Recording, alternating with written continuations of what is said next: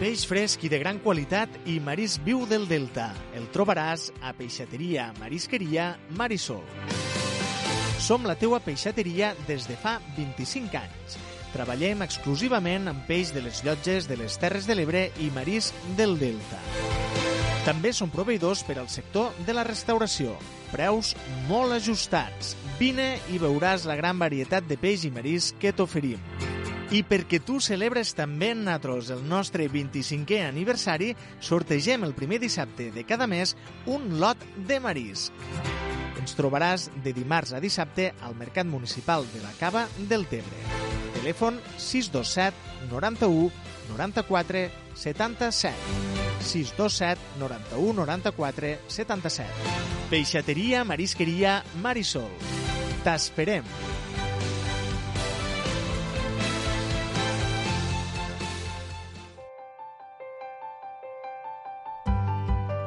Idea Idea Jove. Dos amplis espais on el disseny i les tendències s'adapten a tots els gustos i pressupostos. Descobreix una exclusiva selecció de les millors marques en moda de dona, bijuteria i regals. Lola Casademunt, Nice Things, Josepo, Viva, Anarchy, Ciclón... Disposem d'una gran exposició en articles per a la llar, assessorament gratuït en decoració d'interiors. Idea Idea Jove també tenim premsa, llibres, papers i material d'oficina. Idea, l'Avinguda Goles de l'Ebre 302. Idea Jove, a l'Avinguda Catalunya 42 del Tebre.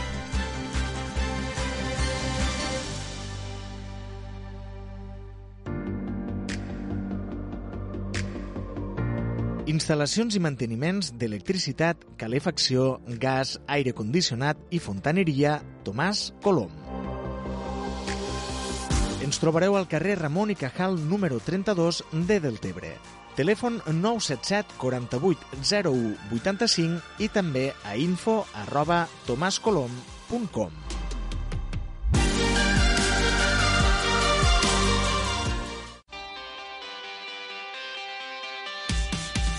Ladrillos del Tebro, fàbrica de ceràmica i magatzem de materials de construcció. Tenim tota classe d'articles de primera qualitat a preus competitius amb un servei ràpid i eficaç. Oferim serveis de camió grua, toro, dumper i som especialistes amb el subministrament d'àrids a granel. Fabriquem productes ceràmics amb combustibles ecològics que no contaminen el medi ambient. Des de 1932 donant servei a Deltebre i a les Terres de l'Ebre. Ladrillos del Tebro, forn de l'obra.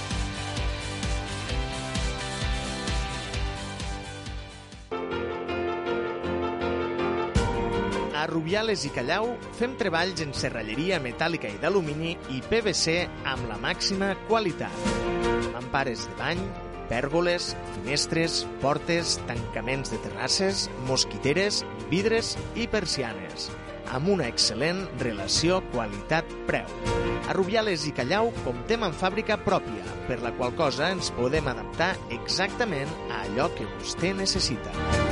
Rubiales i Callau, serralleria metàl·lica i d'alumini i PVC. Estem al polígon Les Molines de Deltebre. Telèfon 977 48 02 81 977 48 02 81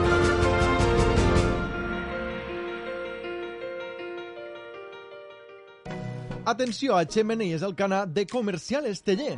Pot escollir entre més de 20 marques i més de 400 models en estoc a l'exposició amb ximeneies, estufes, barbacoes, forns i planxes.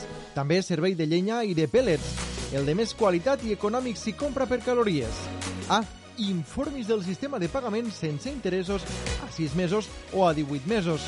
Si ho has sentit bé, a 18 mesos sense interessos. Recordi, sols a Comercial Esteller del Canà. A Comercial Esteller som professionals en experiència. Estem a la Nacional 340, quilòmetre 1061, al costat de les Cases del Canà. Telèfon 977 737 606. Web www.comercialesteller.com o pàgina online www.estufas-chimeneas.com A Bonet Perruquers som estilistes especialitzats en bellesa i cura del cabell. Et proposem solucions personalitzades tot seguint les últimes tendències. Amb Bonet Perruquers tindràs el look perfecte. Som professionals i treballem amb les primeres marques L'Oreal, Kerastase, American Crew... Bonet Perruquers, tradició i innovació al teu servei. Al carrer Trinquet número 14 de Deltebre, La Cava. Telèfon 977 48 10 97. 977 48 10 97.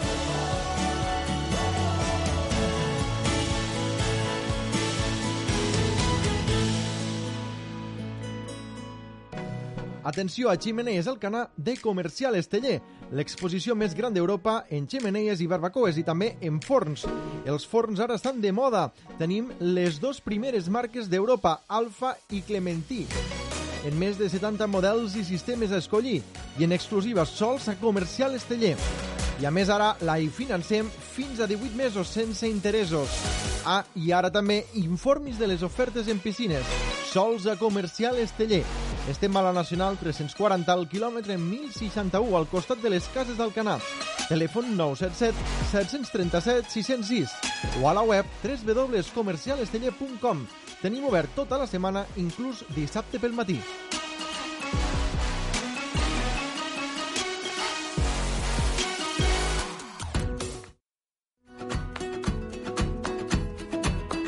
A Ràdio Delta cada dia i en directe fem el recapte. En directe pel 107.6 del dial i en directe pel canal streaming del portal delta.cat.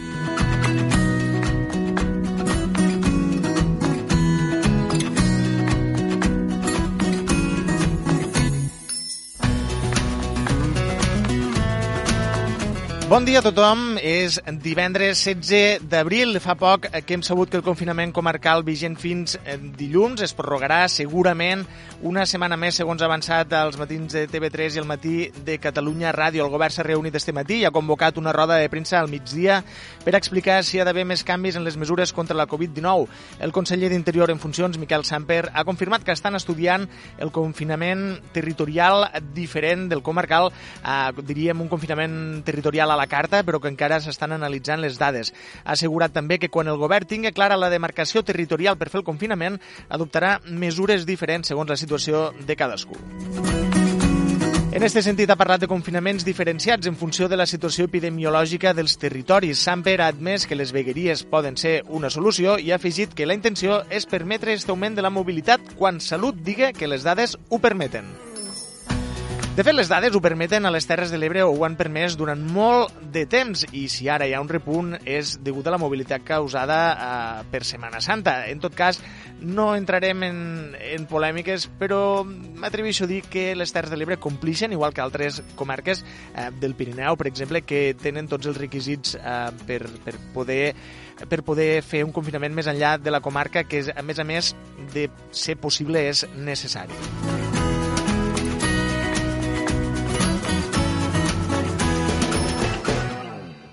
Ara mateix la xifra de pacients hospitalitzats per Covid i d'ingressats a les unitats de cures intensives s'ha estancat. Les xifres indiquen que l'augment de la mobilitat per Setmana Santa no s'ha traduït en un augment sensible de contagis, diuen, tot i que, segons les dades publicades este dijous pel Departament de Salut, als hospitals catalans hi ha 1.697 persones ingressades per coronavirus, una xifra que estos tres últims dies ha anat baixant lleugerament fins tornar a quedar per baix dels 1.700 pacients Covid.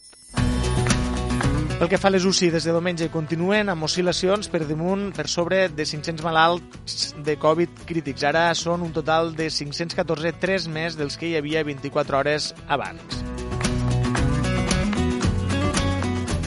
Les dades són estes. La situació política eh, pel que fa al confinament territorial eh, sabrà si avui si es permet este confinament per vegueries o per regions sanitàries. Ja veurem com acaba la cosa. Nosaltres estarem pendents i estarem aquí per contar-vos-ho mentre avui divendres, com dèiem, 16 d'abril fa un sol de justícia al nostre municipi, un sol de justícia sobre el delta de l'Ebre que permet que les temperatures s'aguanten, tot i que diuen que baixaran al llarg d'avui i demà, al llarg d'este cap de setmana. També n'estarem atents més que res per abrigar-nos o què. Nosaltres comencem un recapte que ens durà fins a aproximadament les 12, una mica més enllà de les 12 del migdia, a partir d'ara.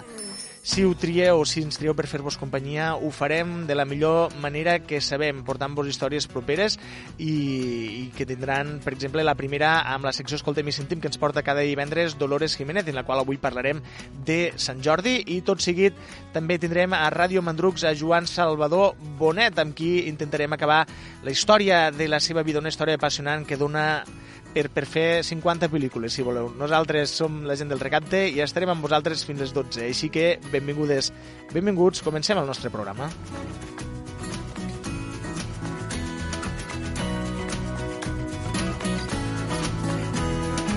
El Recapte, per a la gent del Tebre, amb Eduard Carmona.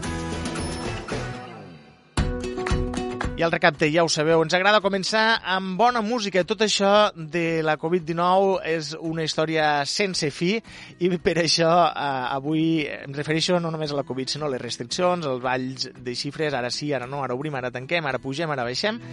Així que la cançó que hem triat avui fa referència a això, al Sense Fi. És una cançó de molt bon rotllo titulada en italià Sense Fi, és a dir, Sense Fine. Una cançó que va compondre Gino Paoli l'any 1961, un prolífic compositor italià, italià que compta entre la seva producció amb un títol tan emblemàtic com Sapore di Sale, sabor a sal. Qui també va gravar les seves pròpies cançons, entre elles esta Senza Fine, que hem triat avui per començar el nostre programa i qui li volem dedicar amb tot el nostre cor a la nostra oient Núria Miret.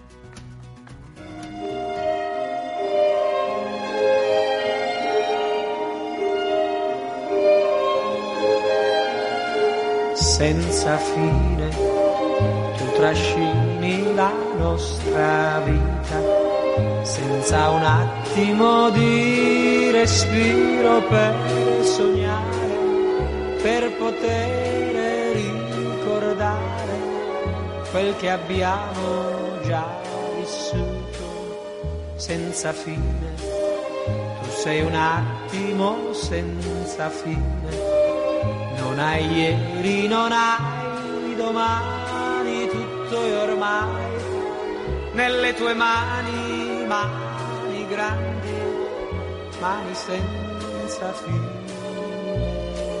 Non mi importa della luna, non mi importa delle stelle, tu per me sei luna e stelle tu per me sei sole e cielo, tu per me sei tutto quanto, tutto quanto voglio avere senza fine. Tu sei un attimo senza fine, non hai ieri, non hai domani, tutto ormai. Nelle tue mani, mani mani senza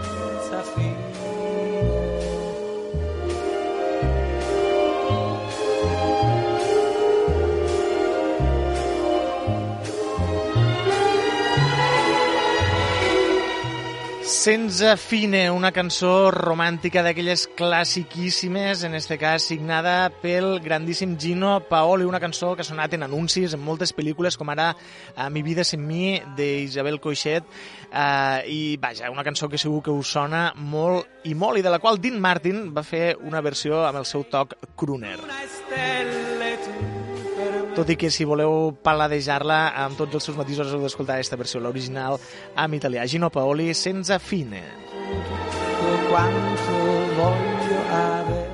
I amb aquesta cançó anem directe a la secció Escoltem i sentim amb Dolores Jiménez.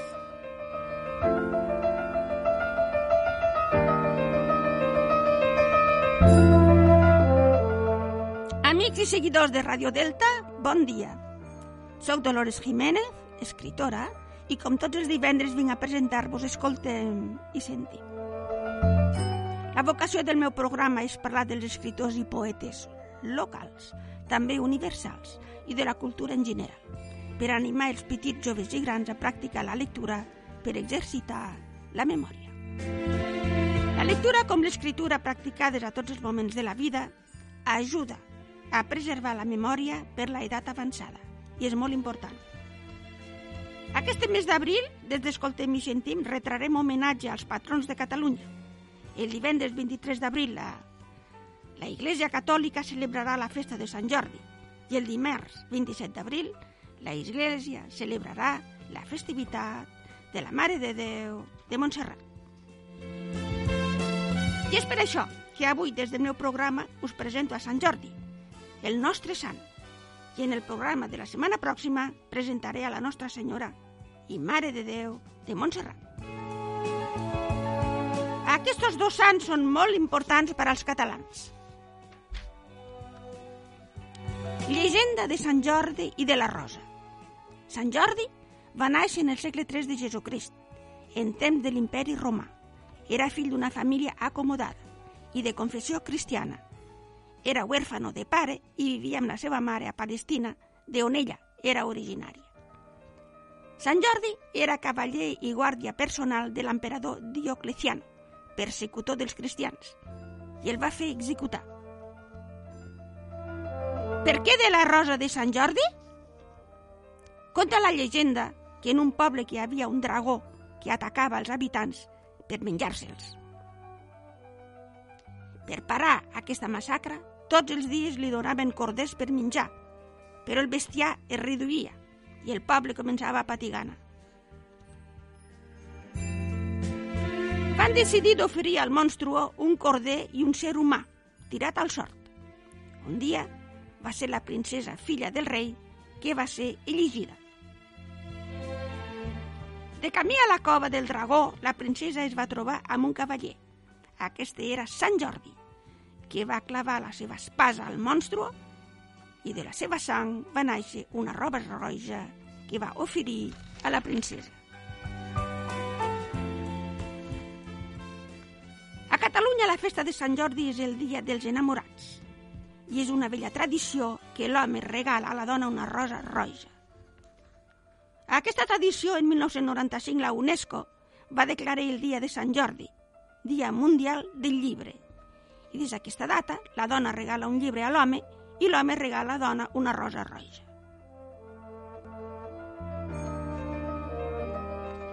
A a l'ocasió de la festa de Sant Jordi, si voleu regalar uns dels meus llibres titulats Recuerdos del Delta, Històries i cròniques de Deltebre, Un hombre valiente, Los poemas de mi jardín, Un método para, por aprender francés i el últim, La cosinada, que l'àrea de cultura presentarà el dimecres que ve, 21 d'abril, al pont, a les 7 de la tarda.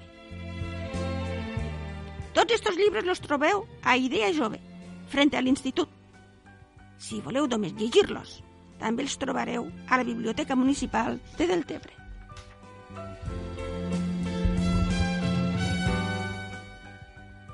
I ara, per acabar amb aquest programa d'Escoltem i Sentim, molt ràpid, demano la intercessió de Sant Jordi per a que, amb la seva meravellosa espasa, acabe en el virus de la pandèmia del coronavirus.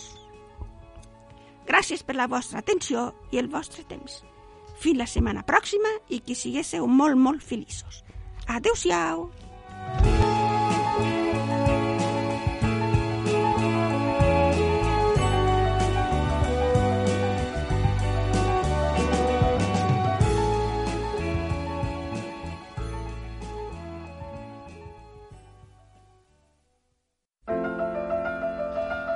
Doncs ja heu sentit esta setmana, Dolores Jiménez ens ha apropat la història del cavaller Sant Jordi, eh, també el dia en el qual Catalunya celebra, Catalunya i el món celebra el Dia Mundial del Llibre, un dia en el qual, i una setmana en la qual podreu trobar diverses presentacions d'autors i autores locals, eh, una de les quals, Dolores Jiménez, el proper dimecres, com diu a les 7 de la tarda, l'espai fluvial, que és l'espai de baix de, del pont.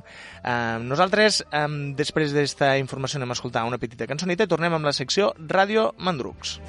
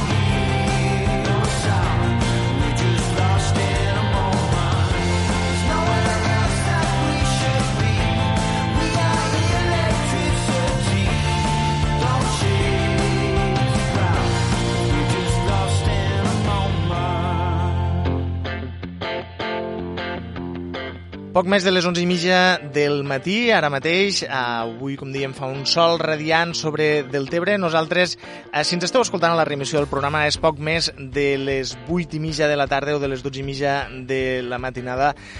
Com dèiem, fa un sol radiant a Deltebre i avui tenim una nova entrega de la secció Ràdio Mandrucs, que cada setmana ens acostuma a portar Natàlia Saragossa. En este cas, avui Natàlia no, no ha pogut estar amb nosaltres, eh, però nosaltres sí que hem pogut rebre i eh, li donem la benvinguda ja i li donem la benvinguda ja, com dèiem, a Joan Salvador Bonet. Joan, bon dia. Molt bon dia, Eduard. Avui eh, tornem a tindre aquí els nostres estudis perquè volem saber com, com evoluciona aquesta història que vam deixar eh, pendent fa unes setmanes, la història de... Per què no dir-ho? La història de la teva vida, Joan.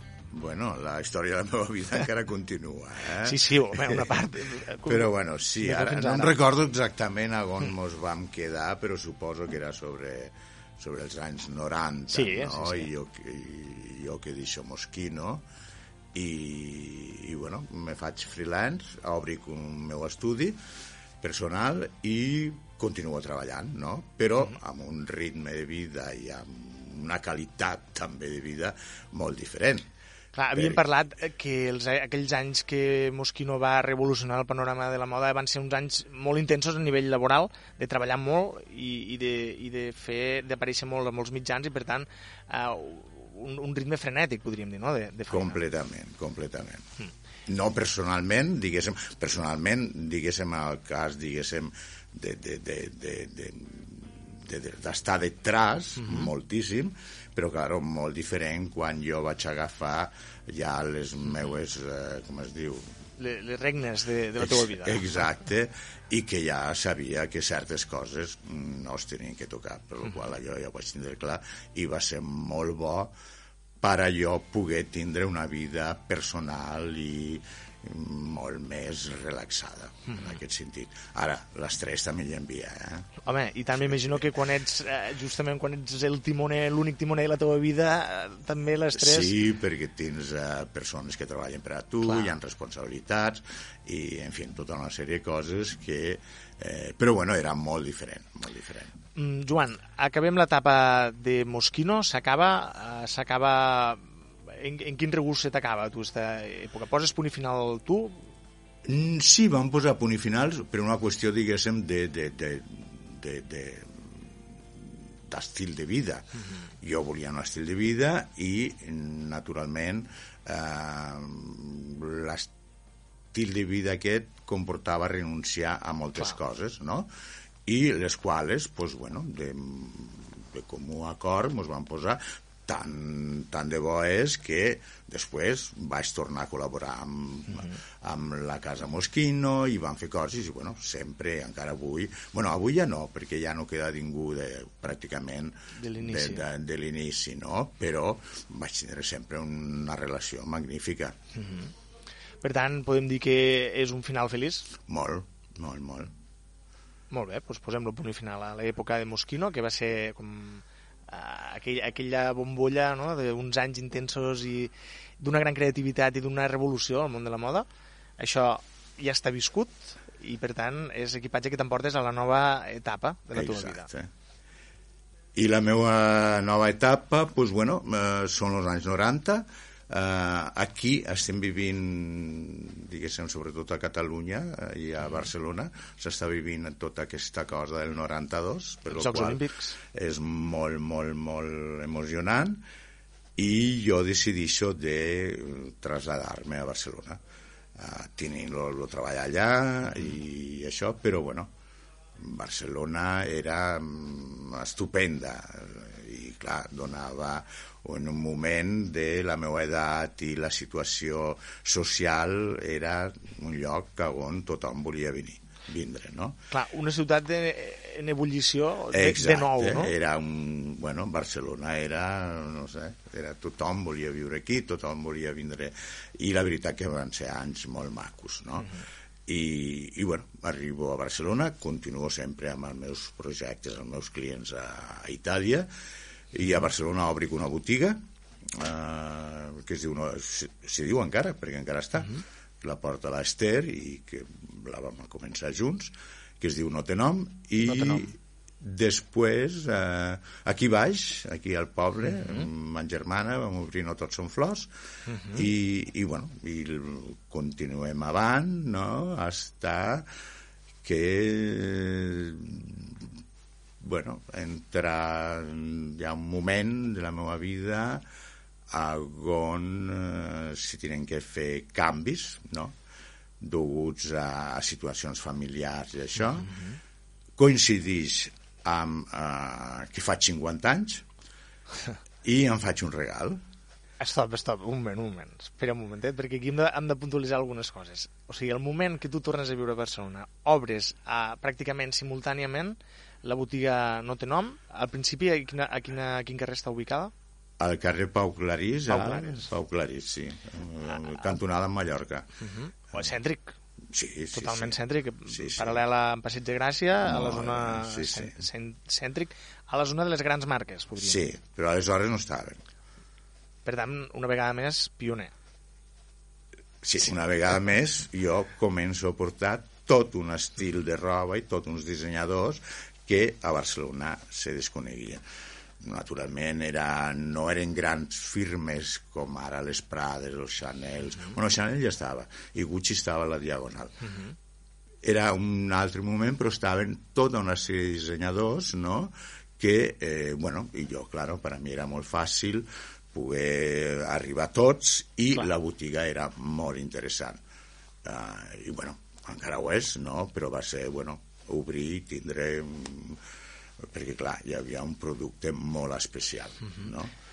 I, i en aquest moment, a més a més, no tots són flors. Eh, sí, arriba un, un any o això...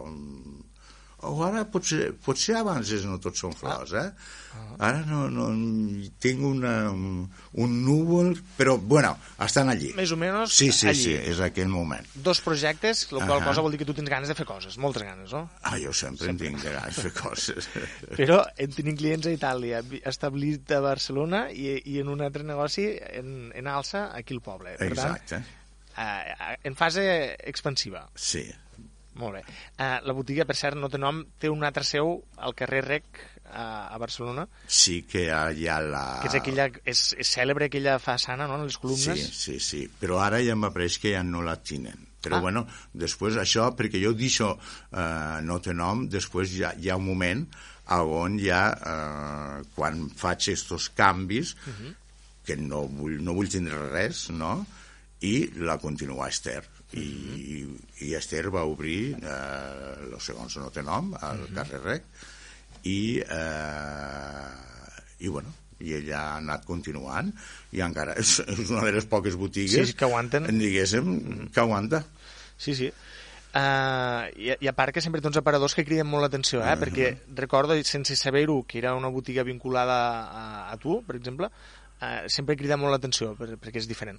És diferent i, i atrau, atrau i també clients uh, d'un cert estatus, podríem dir. sí, sí, sense cap dubte Llavors, uh, en aquesta fase expansiva, arriba un moment que tu decidixes fer un gir de 180 graus. uh -huh.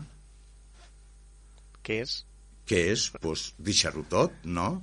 Uh, faig 50 anys o ho estic per fer i, i bueno hi, ha una situació familiar el pare no està molt bé i bueno, pues, decidixo deixar-ho tot per a poder estar amb la meva germana i bueno, estar Està aquí.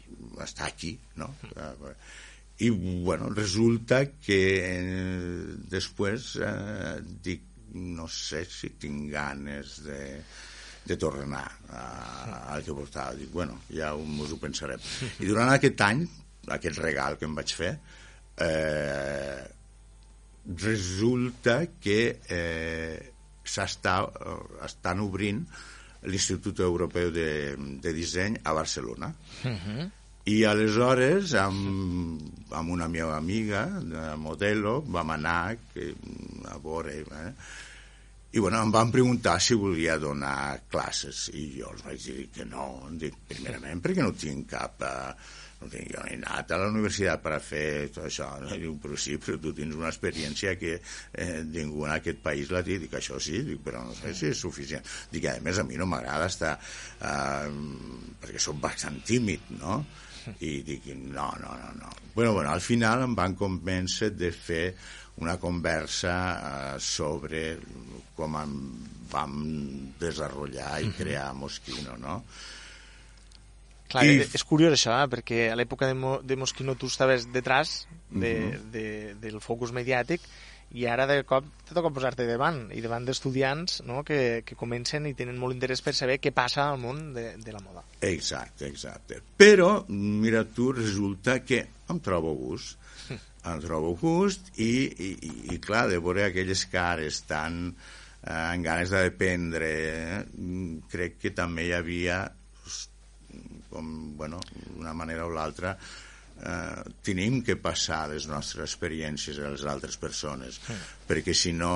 Eh, moltes coses no, no, no les podríem fer i ells necessiten uns apoyos de i en aquest cas jo em considero un home molt, molt afortunat i que n'he tingut moltes i si algunes professionals les puc compartir doncs ara em fa o sigui, me vaig donar compte que era un, quasi un deber poder-ho fer però és que em trobava molt bé amb ells, no? I, bueno, total, que començo amb les tutories i, i bueno, dic, pues jo ja no torno allà. Sí, no torno a, al món de la moda perquè era molt més interessant per a mi, molt Clar. més nutritiu, perquè era tot... Ells encara no estan... Quan ets estudiant, tu encara no estàs contaminat del, mm -hmm. del que pogués ser la carrera que tu estudies, no? Llavors encara està somiant, no?, de poder, en aquests casos, ells, pues, de ser dissenyadors, els desfiles i aquestes coses, no? Però, eh, claro, mm, si no els expliquem bé les, les situacions i, i què és el que hi ha darrere, perquè la moda no és només els desfiles i les, fotos que veiem a tot això, no, absolutament. Detrás hi ha un gran treball, hi ha grans sacrificis i hi ha, bueno, hi ha, com en tots els treballs, no? I, bueno, total, que, que bueno, d'així això em quedo. I això que dona? Me dona que, clar, pues, me faig famós dins de l'ensenyança, de la... Uh, De les tutories i això, i me criden després, vaig a Mèxic eh, i allà, bueno, m'encanta, m'encanta el país i vaig cada any, me passo de dos a tres mesos, eh, em passava, on una part feia cursos i després des- anava a descobrir, diguéssim, tot el que és eh, l'artesania de Mèxic, que és algo meravellós. D'allí, eh, després per estudiar l'artesania, això passo a Guatemala, que encara ho és molt més, no? I, eh, i al final eh, vaig anar, vaig arribar fins a Equador, també, per a, per a fer un, un workshop a la universitat eh, de la moda, i això. Clar, tu anaves allí ja com a, com a docent, no, Exacte. no com a dissenyador No, pròpiament, no, no, no, no, jo anava com a docent i com a eh, ricercatore. Eh, Sí, eh, per buscar- investigador. Investigador de les tècniques i Mhm. eh, que fem, perquè fan coses verdaderament meravelloses, no? I potser intentant convertir-ho també, portar-ho al món no, de, del disseny eh, o, o simplement per plaer. No, no, no, no, no, jo ho portava després, eh, diguéssim, eh, després, eh, amb, quan tornava dels viatges, amb els meus exclients, uh -huh. que encara tenia una gran amistat, pues los portava coses que ells ho podien eh, reelaborar, uh -huh. no?, per a, per a fer-ho a la moda, perquè eh, sempre, en la moda sempre hi ha una inspiració, uh -huh. no? No és que, ah, ho fem tot de nou, no? Detrás de cada cosa hi han històries, no? I clar, els brodats és una cosa molt important, els colors, la mescla, eh, com els teixixen, uh -huh. però lo, lo, lo, lo emocionant i lo bonic era anar al lloc on se feia tot això. I on se feia no per a vendre al turista, sinó per a, perquè, perquè se li donava un ús, m'imagino.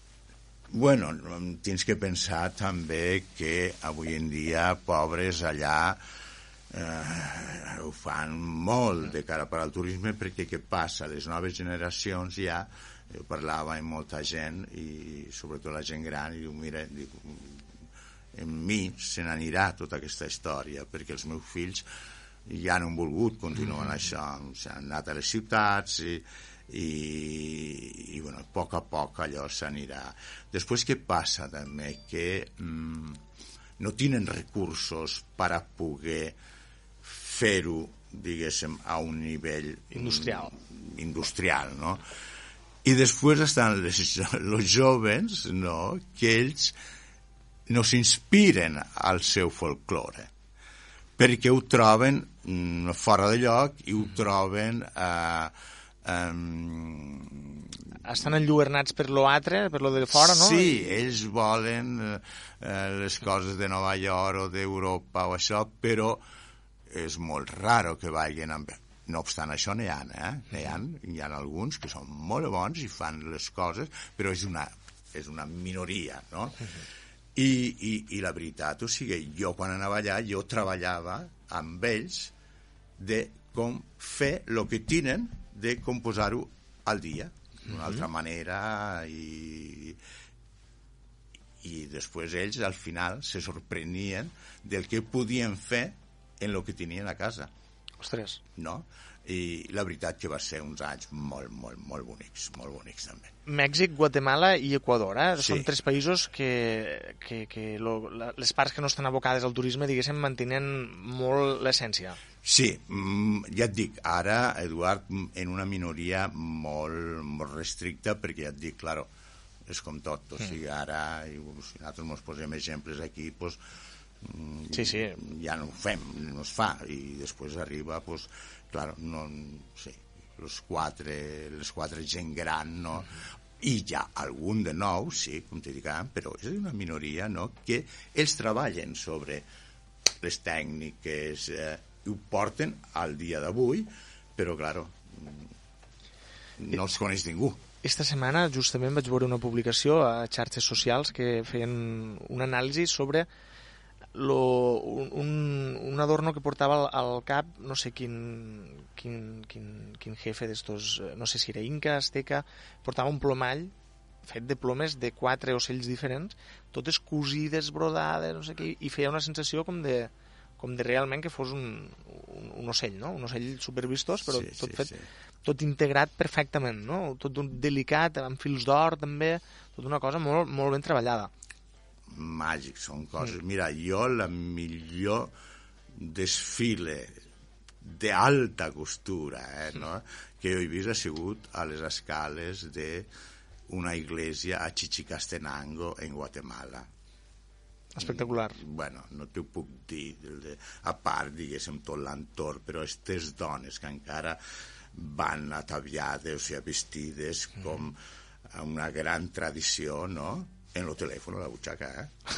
el mòbil, era, era algo emocionant. Per a mi, mm, ja et dic, sempre en recordo aquelles escales, aquell misticisme i aquests colors, o sigui, genial. Aquesta sensació de realitat, no?, una mica, perquè a vegades se troba a faltar al món de la moda, sobretot els últims anys, que vam parlar aquí el primer dia, que està tot com massa re, re, re, reformulat, no? I a vegades, clar, de cop tens una, un moment de llum i d'inspiració de realitat que, que t'enlluerna.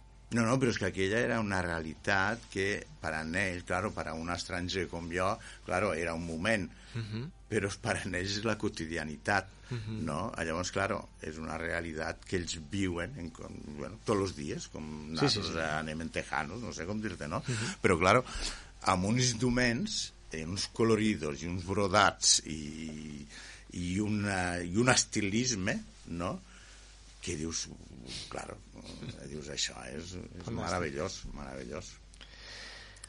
Molt bé, han passat per Guatemala, per Equador, fet per Mèxic, a fer el tour de Centroamèrica, i, i en canvi no, no decideixes viure allí com a establir-te, no?, a viure allí.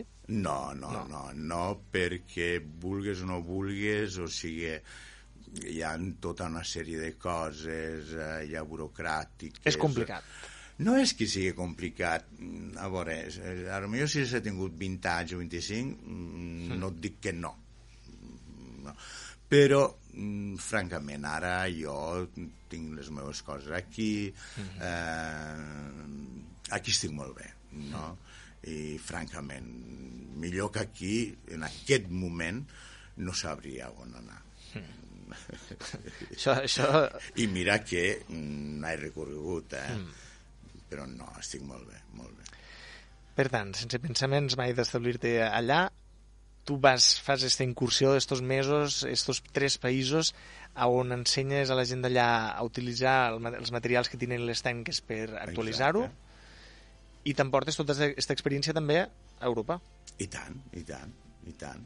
I fa part, diguéssim, de, de, de, de, del, de totes les meves maletes, no? N'hi ha moltes que són d'aquests viatges, que són molt especials, no? I que, eh, d'una manera o l'altra, eh, en aquest arxiu que tinc de la meva memòria i, i en alguns casos també físic, eh, que no siguin un somni, perquè hi ha certes coses, Eduard, que si no les vius mm, és molt difícil de contar-les o de viure-les a través d'un film, o això és molt, molt, molt difícil. Per qual, sí, torno amb un gran agraïment, no?, perquè la gent és molt, molt, molt, molt amable, la gent somriu, mm, eh, no sé com explicar-te, i tinc molts amics allà que s'han quedat i bueno, pues, ja aquí estem. Per la gent que mos escolta, eh, vull transmetre aquesta sensació eh, que fa Joan ara, parla d'estos viatges i tanca els ulls i, i sembla que ho estiguis revivint, Sí, no? no, no, és que ho estic, eh? O sigui, et podria dir les escales, la fum, eh, ja són les 9 de la nit, és tot fosc, la iglesia, no hi ha llum elèctrica, tot són candeles per, per en terra, ja està tot ple de pi, eh, aquesta gent agenollada amb una fe eh, que només la pobresa la pot tindre eh, i aquestes dones amb aquests colors i, i amb aquestes flors, no sé, les cales que hi ha allà, mm, no t'ho puc explicar, no?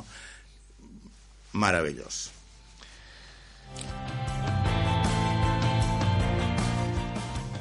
Jo crec que no cal afegir res més en aquesta descripció que mos has fet. És, és una foto, una foto en paraules. Llavors, eh, t'emportes tota aquesta experiència que ja m'imagino que es queda eh, des d'aleshores la portes en tu, Sí, en sí, tot sí, el que fas. sí, eh? la porto amb mi i, i, bueno, i després, bueno, pues no res, o sigui, vaig, vaig tindre, després vaig tornar al món de la moda, que va ser molt interessant, vaig estar uns 10 anys eh, anant i venint, però ja era, va ser tancar cicle de, eh, del sistema de la moda, no? Perquè llavors ja no entro ni com a dissenyador, això, sinó entro com a art director de una empresa de l'Aspesi, no? que, era, que és un gran amic meu, i bueno, tenia que fer un, un canvi de la societat, entraven nous, eh, nous eh, socios i volia una persona que conegués i que estés, eh, que l'ajudés, no? Això quin any estem parlant, Joan? Estem parlant del 2006. 2006. 2006 i això dura fins al 2015 no? però sempre, sempre estan aquí eh? anant i venint però eh, estan aquí i va ser molt interessant perquè eh, ja no dissenyava eh, vestits sinó organitzava la, la part de, eh, visual tenia Aspes i tenia una, la botiga més impressionant de Milan a mil metres quadrats en via Monte Napoleone i jo tenia 40 metres quadrats on poder fer mm, atirar la gent amb les eh, instal·lacions. O sigui, tu tenies un escenari allí. I jo tenia un escenari on i era molt interessant perquè eh, l'Aspis és molt conceptual no? I aleshores, o sigui, a l'escenari, on normalment pues, se posen els vestits, nosaltres no posàvem vestits, nosaltres fèiem instal·lacions. Només hi havia una peça sempre, que era una camisa blanca penjada a, a un... Con... Després sí, en algun moment, claro que... Però no era el vestit, era la emoció que tu podies... Eh, I la veritat que, bueno, mm, vaig fer coses molt maques i, bueno, estava considerada la, la, la vitrina més important d'Itàlia i en aquest cas de Milan, no? O sigui, la gent venia a veure les vitrines i de, claro, i de conseqüència entrava. Home, clar, clar, clar no falla. Però és que la millor la vitrina es trobava que el vestit, el vestit sí, hi havia un vestit, però estava fet de diari. Mm, sí, sí, no, no, que no era lo important. Eh, no, o hi havia una instal·lació i los, plum, com es diuen, los els, els plomalls, plomons... Los les- plumons, no, Sí. no sé com es diu en català. Uh, bueno, per Nadal i era pues, un camp de, de, de, de, de, de, d'arbres de Nadal, amb llumetes, un banc, no sé quants dossets eh, de tots els colors i los, los uh, plomons aquests els portaven els ossets. que eren Ostres. Ninos, no? O sigui, no, coses molt maques vaig fer. I bueno, i s'acaba això. Espera, espera, ara ho dic perquè la gent, si, si vol fer-se una idea, pot entrar, pot fer una cerca, pot buscar Aspesi. Ah, Vitrines àspers, mm -hmm. que buscar. Ara vaig a, vaig a buscar-ho jo. Eh, tampoc... Això és, és important dir que As- Aspesi no és una, tampoc una botiga eh, a l'abast de tothom diguéssim, a nivell de preus o a nivell No, de... era, era Eh? mm, mig alt. Aquí, As- Aspesi Milan, moda, aquí veiem, veiem les vitrines... La no, ja, no està, ja no la tenen aquella, perquè els nous socios eh, han agafat una altra, però no ho sé. mm, Aspis i Montenapoleone, a la millor trobaràs alguna Sí, sí, de, hi, ha, hi ha imatges, podem veure aquí algunes de les imatges d'Aspesi, estos aparadors que realment són, són, són, són fotos, també, són, són imatges eh, que podrien passar per fotos d'estudi, no? eh, que realment criden l'atenció i que inviten estàs a entrar. veient ara? Estic veient, per exemple, escaparates aquí en finestres, veig eh, molts colors, veig... Eh, esta no, no sé si ho és, però veig eh, aparadors de diferents colors. Veig un elefant amb... Ah, sí, sí, sí. Eh, és que no, no ho Un acabo de elefant de cartó. veure. Sí, de cartó de color blau. de color blau, amb Sí, sí, sí, dos eh, noies a sobre. Aquesta era, Eh, exacte. era eh, turista a Venècia. Turista Venècia. Sí. Bé, Que era... Home, Venècia, a l'estació a l'estació de Santa Llúcia, té tres elefants no, allà al davant. És un dels símbols. No, però aquest no, No? no estava fet en aquesta Ah, intenció. ah, ah, doncs- no, no, no, no. ah, no. mira, mira, mira. Aquest no, perquè eh, lo bo d'aquest escaparate és que era com una galeria. No? Ahà. I aleshores jo podia contactar amb artistes para que m'ajudessin no, a fer el concepte que volíem tractar aquell, aquella setmana o aquells 15 dies o el que sigui. I aquesta és una, aquest elefant el va fer una escultora que ella treballa en paper maché, no? I me'n va fer vàries, no? I, i bueno, i una d'estes, claro, es, es va quedar allí, que després feien el tour, perquè anaven per totes les botigues, no? Però va ser molt... Perquè era, més que un escaparate d'una botiga, era com una mini galeria, no? I va ser fantàstic. I havies de passar per allí per a saber que era l'última tendència. No? Se va convertir en un No, punt... no, perquè no, no, no. Aspesi no és un de tendència. Aspesi és un sense temps. És un que fa, eh, o feia, qualitat i preu. Però lo verdader, qualitat i preu. Ell no feia desfiles. Ell no es gastava els diners amb coses, entre comilles, superflues que ell considerava. Després, per al món de la moda, és molt important. Ara, estos dies, eh, jo he vist uns vídeos que, bueno, no sé si estan fets realment o això, però que costen fortunes, mm. no? Això ell no... I para no carregar-ho sobre la roba. És a dir, perquè la roba, gastant diners en altres coses, n'havies de deixar de gastar-te'n en qualitat, diguéssim. Exacte. O sigui, tu avui en dia, si vas a comprar-te la roba d'una gran firma, tu no estàs pagant la qualitat de la roba, tu estàs pagant tot el màrqueting i que tu pugues dir que és el que et dona seguretat, mm. no? a la gent els dona seguretat, de si porta un Chanel és perquè és una... però no és perquè tu pagues el valor de, del material i de les hores. O sigui, una bossa de Chanel, ja en vam estar parlant al principi, mm -hmm. però mm, unes, no sé, unes bambes de Gucci valen 30 euros o 40 la, la, la bamba en si. No val 400 euros. O... No, 500. O 500. Bueno, ara n'he vist algunes a, a 1.500. Sí, clar, vull dir, això no ho val. Això ho val per tot l'ecosistema que hi ha al claro, claro, claro, claro. O sigui, tu tens que pagar, bueno, pues mm -hmm. això. Però bueno, hi ha gent per a tot. Sí, sí, no, a veure... Afortunadament. Eh, sí, però en tot cas tu te decideixes per esta, per esta, per esta marca, per Aspesi, per amistat? Per amistat, sobretot per amistat. No, si m'hagués demanat un altre, no he anat. Ell, perquè és com, per a mi, Alberto, és com el meu germà. O sigui, no sé, o sigui, jo el conec des de l'any 81. Ostres. Imagina't. O sigui, Tota una vida, quasi. Sí, sí, sí. sí. Per tant, el tu demà ho fas, eh, tu passes bé, Molt bé, bueno, sí, sí i combines del Tebre, Barcelona, Milà. Milà, exacte. Sempre, Milà sempre és el punt de tornada. Eh? Sí, hasta el 2015, que ja, llavors ja dic no, dic no, perquè ja aquí s'està passant l'arròs i jo tinc, no tinc ganes d'anar pujar i baixar i perquè vulguis o no vulguis, fos també és un estrès, no? Totes les setmanes, el divendres, tornar, el dimarts, anar-te'n que és molt bonic si te ho conto, mm. però, però també detrás, és molt cansat, no? Hi ha tot el tràfic de no, no. fer la maleta, arribar al puesto, que tingues tot, pensar, ara necessito això, necessito allò, de parlar... Exacte. En fi, exacte. que arriba un punt que vols donar prioritat a, a la vida sin, senzilla, Exacte, no? a, bueno, sí, a mi, i, i, bueno, que em faig gran i que jo, no sé com dir-te, no tinc... Jo vull disfrutar de, de, bueno, de l'espai, el temps i el silenci que tinc aquí que és el nou luxe per a mi, no? I, bueno, i aquí, pues, bueno, estic molt bé i, i bueno, l'any passat eh, quan, bueno, quan vam entrar en aquesta situació eh, pues, bueno, tens, eh, teníem molt de temps no. Que, és, que és el que volies, també. Exacte, no?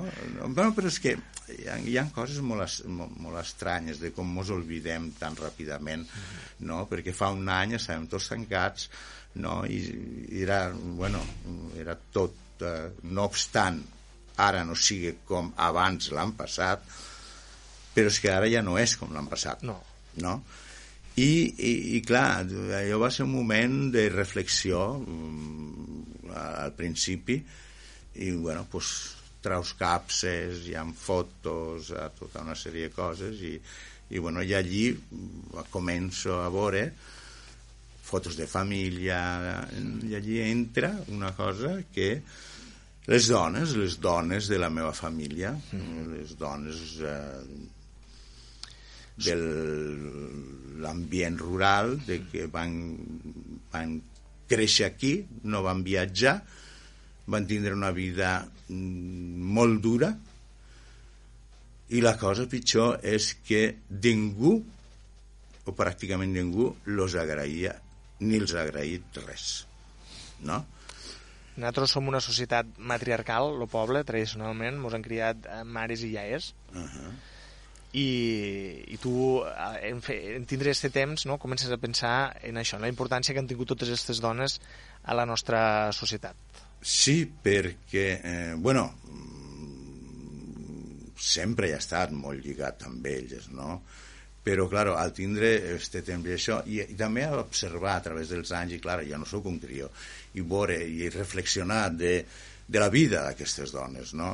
I la veritat que va ser molt dura, molt dura, i, i ja et dic, jo d'una manera o l'altra me vaig sentir que tinc el deber de fer-los un homenatge, no?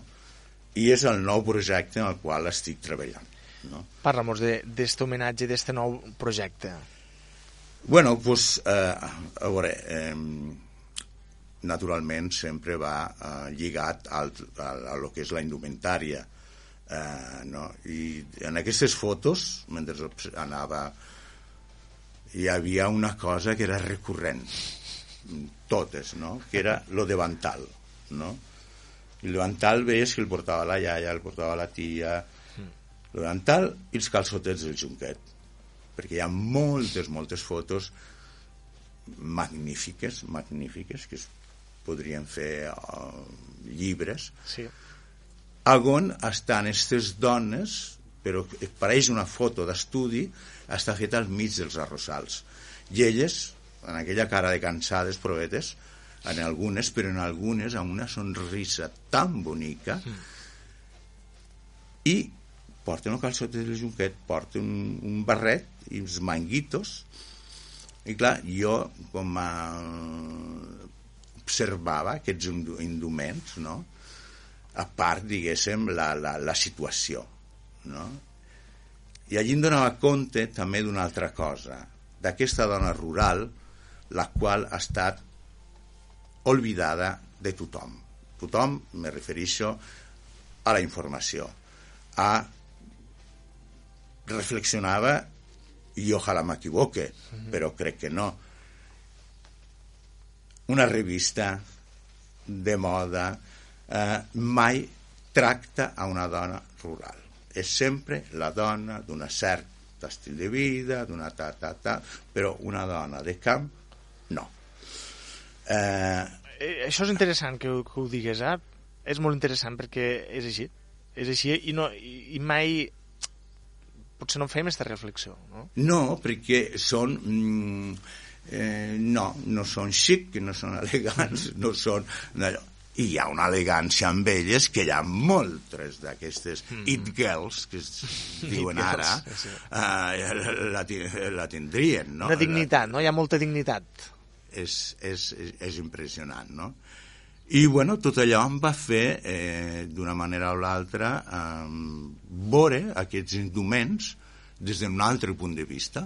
Llavors fer eh, que torno també als meus, eh, als meus, al meu concepte de la moda. No estic, ja no fa falta fer res de nou. Se falta les bones coses, tornar-les a refer d'un altre punt de vista. I amb els de bancals, doncs, he fet la mateixa, diguéssim, la mateixa mm, operació, no? De veure el davantal, la peça, no? I eh, què és el que puc fer jo en aquesta cosa. I la veritat que Maru, perquè jo no els he fet, no els ha fet ma germana, ha fet coses precioses. I, i estic, i ho dic en la boca plena de que és un artista perquè ha lograt en alguns casos fer-ho millor del que jo em pensava perquè ella té algo de màgic en les seues mans i paciència que per a fer les coses bé es necessita paciència no? jo potser tinc la il·lusió jo tinc la, la creativitat però jo no tinc la paciència ni les mans de fer aquestes coses, per la qual estic molt, molt, molt content, molt orgullós de que ella mm, mai he pogut d'una manera o l'altra fer realitat aquesta, aquest projecte perquè jo, jo sol no he sabut fer-ho. Jo sí, he pogut fer mil idees però, oye, S'ha de, de treballar per donar-li una realitat allò, i, i la veritat que a poc a poc anaven, anaven? I, el, i mentre es feia això la meva il·lusió és ha sigut de poder eh, contactar perquè després això em va fer pensar i anar molt més enllà eh, que tota aquesta artesania, la poca que tenim, s'acabarà. S'acabarà perquè hi ha molt poc de les noves generacions. Pot ser ara, ara pot ser sí, després d'aquest any. Mm, Se ho repensaran en algunes, en, en, en moltes coses, no? Però mm, està eh, les que cusen, les que broden, les que fan patchwork, eh, les que fan ganxet, eh, les que fan les cistelles a... Le, le, bueno, hi ha tota una una panoràmica artesana que necessita una regeneració, no? I aquesta regeneració només pot anar, diguéssim, amb noves generacions i que aquestes les puguen, eh, eh, aquestes senyores que encara queden, homes, dones, que les puguen tallar. I, mm, i clar, fer-les veure d'una altra manera. Perquè, clar, és el que estem dient. Tu te'n vas i resulta que la cabassona de Palma o el cabàs, que jo trobo que són peces magnífiques, ara estan a la freteria o això, a uns preus, això, però i no se'ls dona el valor que tenen. Però és que, clar, no hi ha ningú detrás que vulgui treballar-lo. I jo el que voldria, el que em faria molta il·lusió és contactar amb totes aquestes persones per a poder fer lo mateix, eh? no és que ho vulgui canviar, lo mateix, però amb materials o la tècnica no, que és la d'ells materials, colors diferents per a fer el cabàs nou perquè el cabàs ja està i el cabàs uh -huh. és bonic però ningú es compra un cabàs a la millor per a tindre la casa i posar-li uh -huh. unes flors o perquè bueno el cabàs o sea, És per a treballar, cabàs. és per a- exacte, uh -huh. perquè o la cabassona sí, anem al mercat i en podem trobar a 7 o 8 euros si volguéssim però clar, una cabassona sense necessita una regeneració tot això La cabassona és curiós que la nombres també perquè els últims anys se, se va convertir, parlo potser fa 10 anys, en un element trending, no? Se portava la cabassona de Pauma per, a, per anar pel carrer, per anar a pegar la volta, no? I parlo de a les ciutats, sobretot, eh? Ara Mhm, estic pensant en Barcelona, per exemple. Sí, sí, va haver-hi sí. com un boom de la cabassona, però clar, era una cabassona de fàbrica, no era una Sí. cabassona artesana. Però l'element ja va cridar molt l'atenció, no? Potser a partir d'algú que, que realment era una cabassona de Pauma, que va agradar, va crear una miqueta de tendència i llavors les fàbriques van dir, ep, aquí hem d'anar. Però és el que tu dius, no, no hi ha este treball darrere i, i, sí que les, fa, les màquines sempre podran fer uh, sempre podran fer cabassones, sí, sí, sí però no és el no mateix. és el mateix, no és el mateix. Per lo qual, bueno, a, a, diguéssim, que no em voldria embolicar, sí. Però tota la, la cosa seria, ara a mi m'encantaria, pues, bueno, la, la intenció era de poder contactar amb totes aquestes dones perquè em poguessin ajudar al projecte, perquè jo no és que... Jo aquest projecte jo el vull eh, compartir amb molta gent, amb moltes dones que m'ensenyin, que jo he d'aprendre i jo ensenyar-los d'una altra manera. Desafortunadament la situació no m'ha permetit i només he pogut eh, diguéssim, col·laborar, treballar amb tres d'elles. Uh -huh. Una és la, la Tere, eh, Imelda i la Teresa. I estan entusiasmats, jo més entusiasmat que elles, perquè, clar, mm, el que t'estava dient abans, no es tracta de fer res de nou. Jo vaig veure que Teresa mos va regalar per Nadal mm, unes coses, no sé com se diuen, per agafar les olles, que són de colors, no? I estava feta en una llana, això. I llavors jo em vaig preguntar, dic, bueno, si això està fet en un ganxet i això, en vez de la llana, si utilitzàvem tires de seda i de xifon, a veure com ho podria fer. A tu sempre buscant Home, això. claro, la, la, diguéssim, com renovar-ho. I, bueno, i li vaig proposar, a comença a fer, i són, no una meravella, són dos meravelles. Després en la Tere, en la Tere també, ella fa patchwork, unes meravilles increïbles. Però, claro, mm, utilitzant un, un cert tipus de teixits, i aleshores, pues, jo li dic, Tere, me fas estos, i en altres teixits, i bueno, és espectacular. Espectacular. Però qual, los canvis no es toca res de lo que és la base, uh -huh. i els canvis estan en donar materials diferents, colors diferents, i ja està.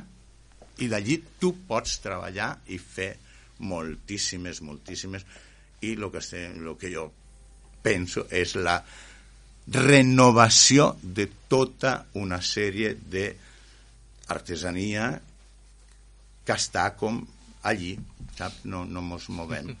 O sigui, O sigui, adaptar-ho el mateix que parlaves abans, portar-ho al dia d'avui i que interessi també a les noves generacions que puguen sentir que aquesta artesania té un valor afegit i tant, i tant, i tant. I, i tant. que pot formar part del seu dia a dia. I tant, i tant.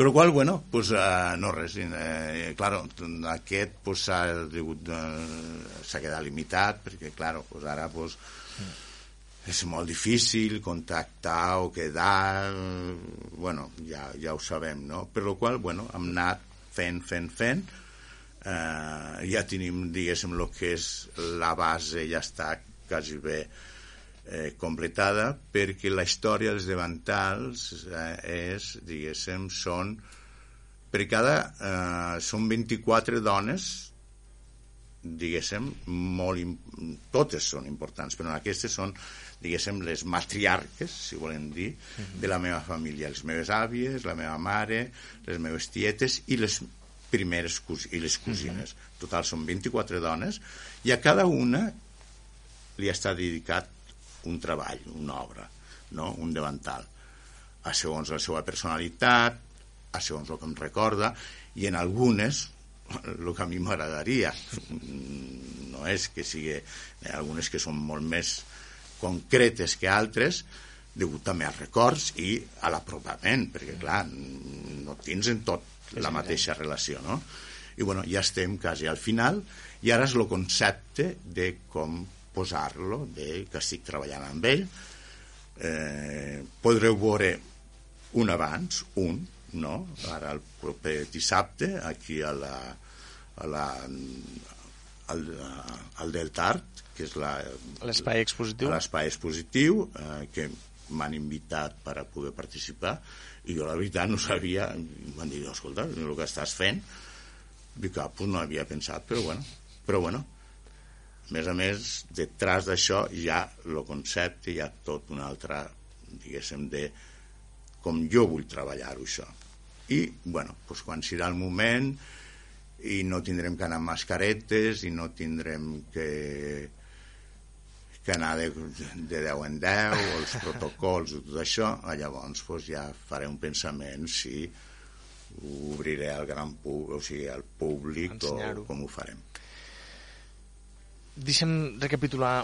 Primer, deixa'm dir, a, a favor d'una cosa que has dit, Marusila és una, és una artista, jo també la vull reivindicar, jo vaig fer-ho el primer dia i ho torno a fer ara, és una artista, té unes mans especials, com tu dius, i, i tots els anys que s'ha dedicat a l'art floral ho ha demostrat, i ja, jo tinc ganes de veure l'obra eh, en, este, en, en este treball. Ja, ja en parlarem. Dos, la manera de treballar, claro, és totalment diferent a la manera de treballar que estaves acostumbrat a estar ara. Ah, completament. I això és Perquè- bo, perquè aprens també. Home, ha sigut un repte i em sento d'un orgullós que amb una màquina de cosir i ara em van comprar una de segona mà d'estes industrials han pogut fer això perquè al final te dones compte que en aquest cas Maru no? torno a, a dir-ho que ella amb les seues mans ha fet coses que mm, a lo millor en un estudi o en una empresa és, mm, sap Déu les màquines mm. claro, tot seria molt més fàcil i nosaltres només teníem mans fils, agulles una màquina de cosir portàtil i ara aquesta que mm, sí, Va ràpid. per la qual d'això estic no content satisfet de viatges de que els recursos mm, encara que no siguin els més eh, a on pots arribar Això és una lliçó, això és una lliçó. És una gran lliçó. I estava pensant, arran d'un comentari que has fet, i és un parèntesi abans de tornar al tema, perquè, potser no ho sé, eh, però el món de l'alta costura no s'ha posat en les mascaretes. ah, no, en quin sentit? No, Vull dir, no, han- no han fet dissenys que pugues vincular la mascareta de Movimento de Gucci, ah, de no Chanel... tinc idea, no, però sí, alguns ja ho han Sí, fet no? ara, mm, doncs no sé com És oportunisme, això. Sí, però serà un oportunisme ja que està a tot arreu. Ja ara les venen eh, en qualsevol lloc. I mos vendran aquelles que no van bé però perquè Eh. eh, no sé com dir-te també no, però ja estan, ja estan segurament que ja les venen no? I, i serà una altra manera de l'estatus símbol no? i serà una altra manera de, pues, bueno, de, de, de... no sé, no sé espero que s'acaben aviat. Sí, bueno... Joan, avui hem parlat, hem fet esta fase, esta última etapa fins ara a la teva vida, una, una vida que fa setmanes que l'anem repassant, plena d'experiències, plena de vivències, eh, a to, en, en les que a totes has posat la teua marca personal i de les quals has après sempre, i podem dir que la teua, la teua experiència s'ha anat acumulant i clar, els últims treballs sempre són els que portes tot aquest aprenentatge al darrere i, i que per tant podrem tindre la sort de disfrutar al nostre poble d'aquest últim treball on dignifiques aquestes 24 dones eh, de la teva família arran d'una peça tan bàsica i tan fonamental com és lo bancal, que li diem nosaltres, lo de, Sí. lo de bancal. no, bancal, Lo bancal. bancal, sí, Eh. sí. Bancal no es diu a, a molts llocs, eh? perquè a vegades ho dius i ja Tortosa ja no, no ho tenen Bueno, però és que nosaltres tenim unes paraules sí, sí. que... mm, boniques, per això també. Ah, eh? precioses. Joan, me veig obligat a preguntar-te després d'això què? Ai, no sé, ara, mira, pensem uh, avui, demà ja ho veurem, i després hi haurà, hi haurà més coses. Mm, Ara tinc aquest somni. I d'altres n'hi han per allí que estan a lloc, però no, no, no, és tot tan que no, no, no, sé com dir-te, perquè a més ha ara també una cosa que he après és de no somiar algo que tu no puguis abarcar-ho tot. Perquè llavors ja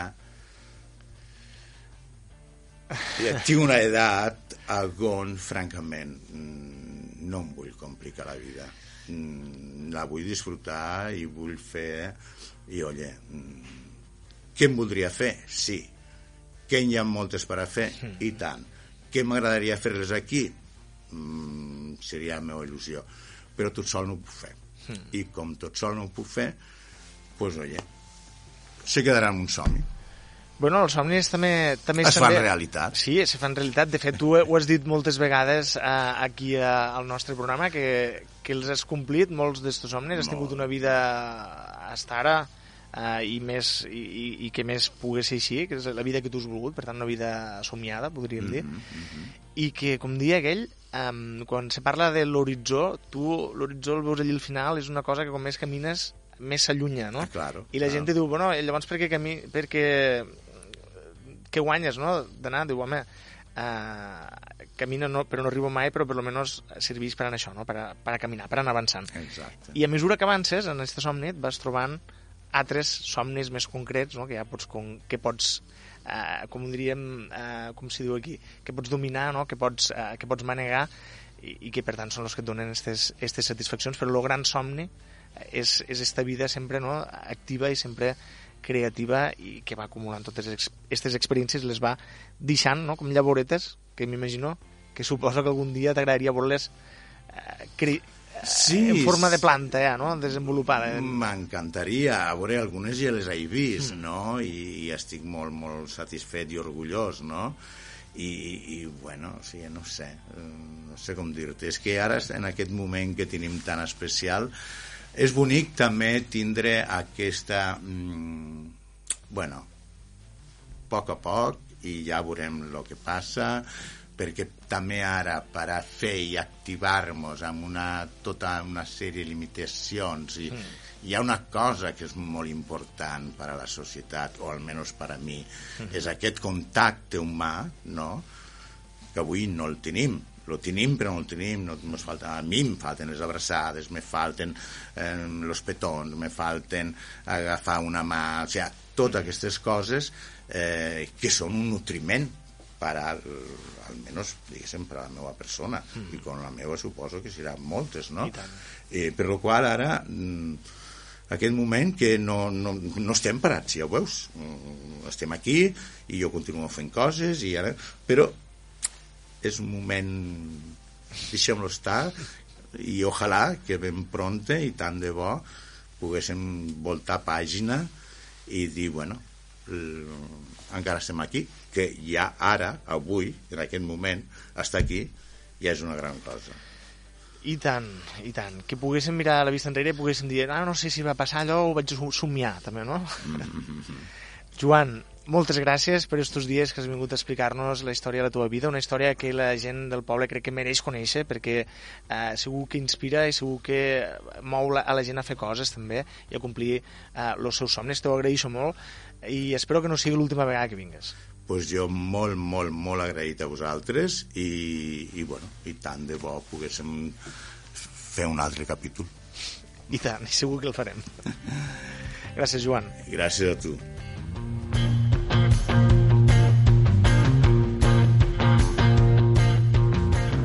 Doncs en el penúltim capítol de la vida creativa de Joan Salvador, el penúltim perquè és com allò de 100 anys un dia, eh, sempre hi ha més coses a fer. En este penúltim capítol de, de la vida creativa de Joan Salvador Bonet posem punt i final avui al nostre recapte, avui és divendres, són les 12 i mitja del migdia, eh, tenim tot un cap de setmana per endavant, no us vull entretindre més. Eh, espero que haguéssiu gaudit tant com ho hem fet nosaltres eh, d'este programa i d'estes eh, jornades que ens ha acompanyat Joan Salvador Bonet explicant-nos eh, tota la seva trajectòria. Una trajectòria, com diem, que segur que inspira i segur que motiva la gent a seguir i a perseguir els seus somnis. Ha estat un plaer fer-vos companyia. Eh, espero que acabeu de passar molt bon dia, sigueu feliços, sigueu felices, molt bon cap de setmana. Ens tornem a trobar dilluns a partir de les 11 aquí al Recapte.